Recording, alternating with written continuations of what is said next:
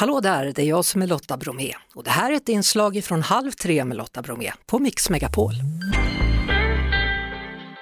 I fredags så hade kriget i Ukraina pågått i hundra dagar. Idag har vi med oss Tobias Tyberg som är Sveriges ambassadör i Ukraina. Hallå och välkommen till Halv tre Tobias. Hej! Ja du, du befinner dig just nu i huvudstaden Kiev. Hur är situationen där? All, det är allt fler som återvänder hit till Kiev.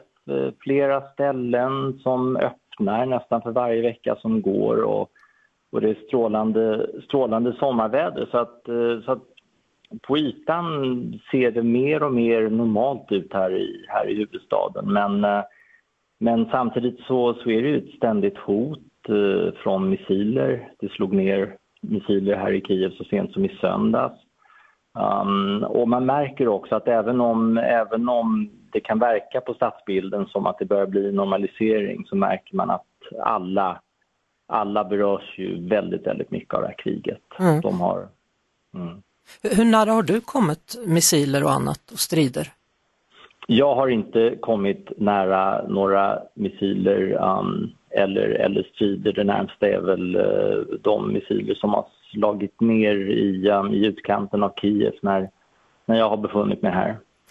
Um, du sa det att, att livet har liksom så smått i alla fall kommit tillbaka, men, men kan man verkligen leva en vanlig vardag när man vet att när som helst kan det smälla till igen?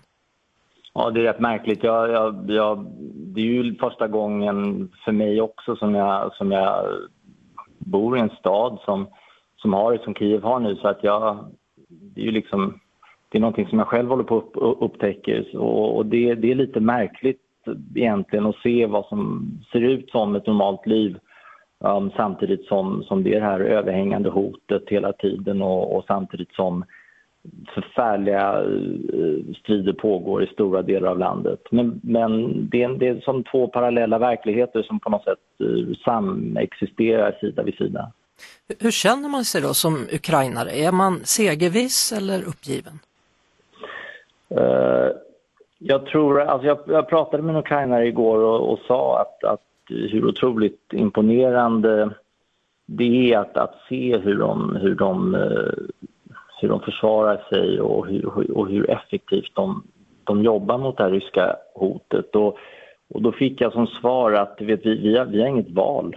Ryssarna de, de försöker, de vill förinta oss, de vill inte att vi ska få lov att existera och då är det liksom inte ett inte en option att, att vara uppgiven eller, eller, eller att vara rädd därför att det här är en kamp på liv och död. Så att ukrainarna de är, de är sammanbitna och de är otroligt målmedvetna. Men de, de har inga illusioner om att det här kommer bli lätt.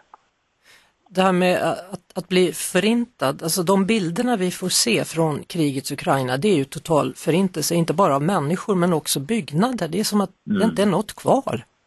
Ja, det stämmer. Jag var igår på, på, på nationaldagen så var jag ute i en, i en stad bara en, en, en halvtimme från Kiev eh, och eh, såg hur skolor, daghem, vanliga bostadshus är totalt jämnade med marken på ett sätt som inte har någon som helst militär logik. Det finns ingen som helst anledning. Jag frågade frågade de som bodde i byn varför, varför det var så galet förstört. Och de sa att det här gjorde ryssarna när de drog sig härifrån. Så det här var, jag vet inte vad det var, det var hämnd eller, eller något annat. Men de, de totalförstör allt de kan komma åt.